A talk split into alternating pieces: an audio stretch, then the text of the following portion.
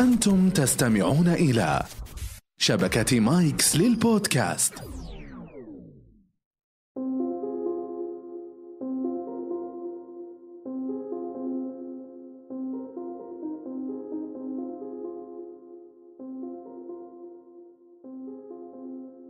أريد أن أبدأ التقديم أمام الآخرين. أريد أن ألقي أمامهم موضوع. يا ترى ما هي أول كلمة أقولها للناس؟ يا ترى كيف تكون بدايتي جذابة حتى الناس تنشد إلي وتستمع وتستمر معي للاستماع لفترة طويلة؟ هذا ما سوف نجيب عليه في حلقتنا إن شاء الله تعالى لهذا اليوم.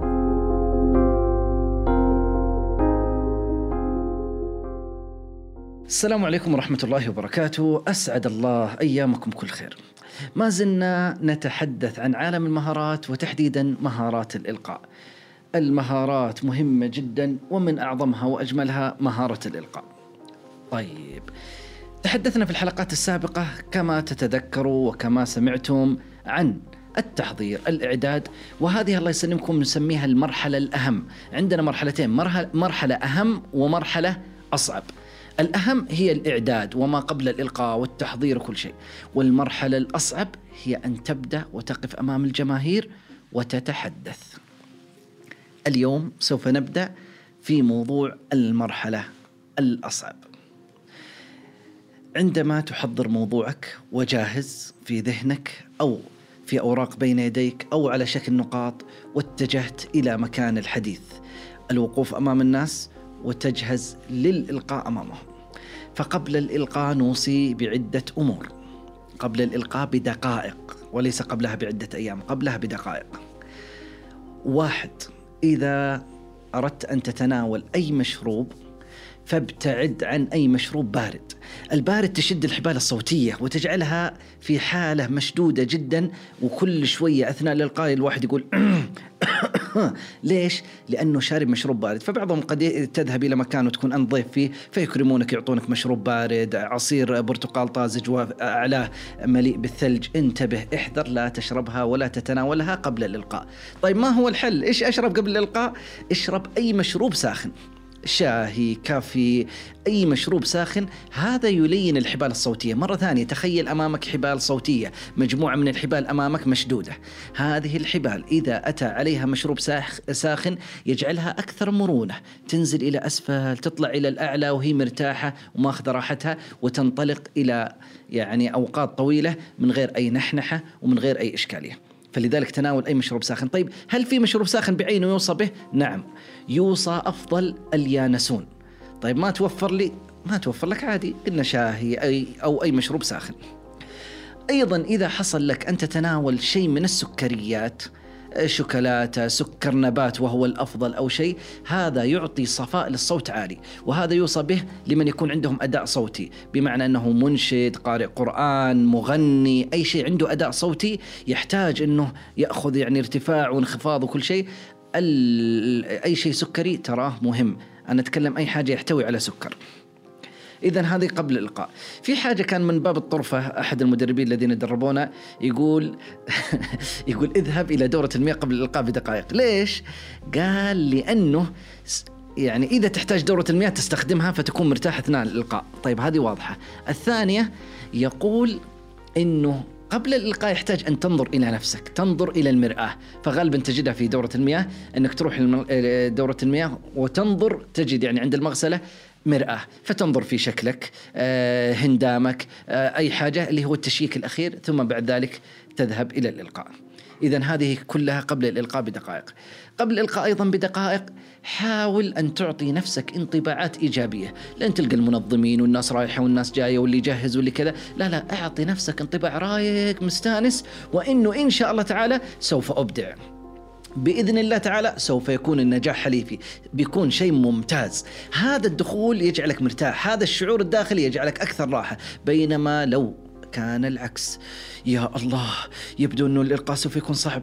أنا أتوقع أني بجيب العيد أتوقع أني برتبك أتوقع اللي يقول هالكلام بعض الأحيان الشعور الداخلي يجعله حقيقة على أرض الواقع. فحنا نقول خلي قبل ما تبدأ مشاعرك والتفاؤل عندك خليه مية في المية ألف في المية مليون في المية. خليك متفائل وإيجابي جدا وتوقع الأفضل دائما وتفاؤلوا بالخير تجدوه إن شاء الله تعالى.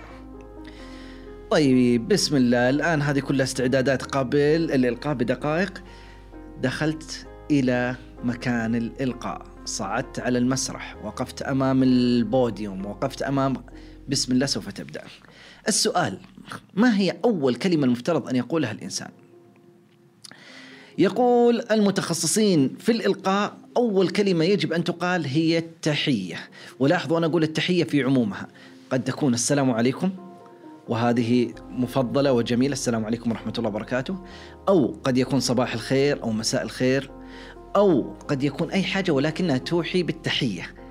ثم بعد ذلك تبدأ الإلقاء. هناك بعض القواعد بعض الشغلات يقولونها يقولون لا يكن إلقائك أو خطبتك بعض الأحيان بتراء أو شوهاء أو جذماء. ما معناها؟ البتراء هي الخطبة التي لا تفتتح بالبسملة والحمد. الشوهاء التي تخلو من القرآن الكريم الاستشهاد من القرآن الكريم أو الأحاديث النبوية. الجذماء التي تخلو من الشهادة بعد الحمد. بعد ما تقول الحمد لله والصلاة والسلام على رسول الله يعني تخلو من الشهادة. لاحظوا هذه أنا أقول خطبة. بمعنى قد تكون خطبة جمعة خطبة منبرية. الموضوع هنا يختلف. ولكني أتحدث عن إلقاء بعض الأحيان. عادي. واحد في صالة اجتماعات يلقي برزنتيشن أمام أصدقاء العمل. آخر يلقي يقدم لآخرين دورة تدريبية. ثالث يلقي في مناسبة عامة. لا هذه قد تختلف تماما. هل مناسب أبدأ بالبسملة؟ يقاس حسب الموطن وحسب المكان.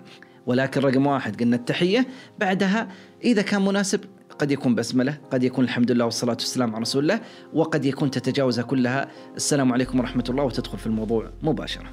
مرة ثانية من أهم أهم مهارات الإلقاء البداية الجذابة.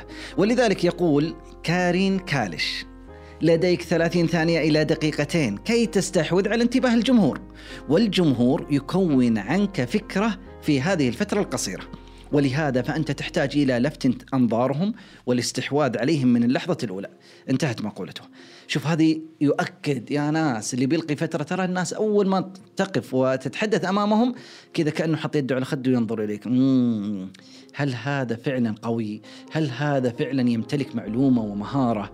هل هذا ويبدأ يسوي كذا سكاننج أو يبدأ يحاول أن يضع لك تقييم تلقائيا العقل البشري يفعل هذا فالجماهير هؤلاء جالسين أمامك قاعدين يقيمون فأنت إذا أردت أن تبدأ بداية قوية وتستمر يجب أن تركز على الثلاثين ثانية إلى دقيقتين التي في البداية وتذكر معلومة قوية. أن تكون واثقا من نفسك ثقة عالية جدا في هذه الفترة.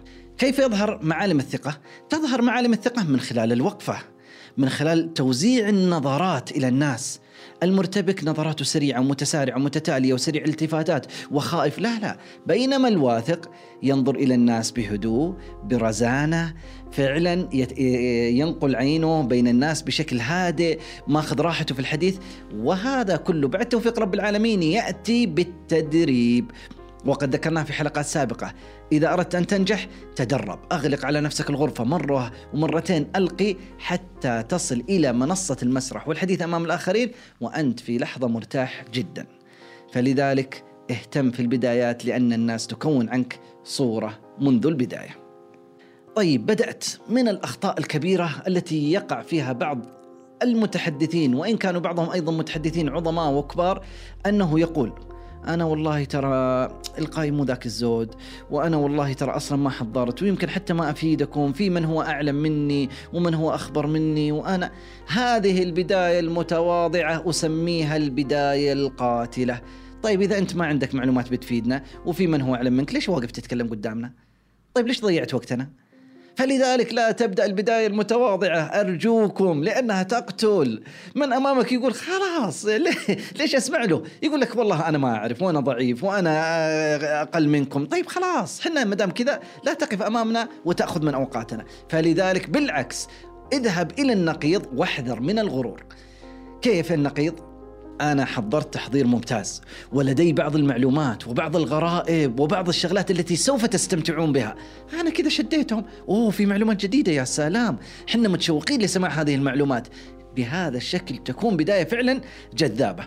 وأيضا تكون صادق فيما وعدت به إنه عندك معلومات عندك غرائب لا تقولها وفي الأخير ما توفي بها.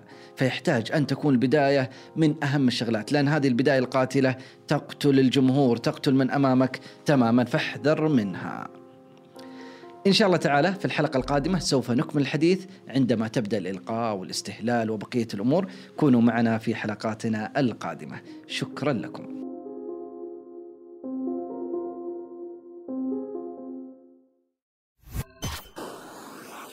مايكس صديقك المفضل الجديد.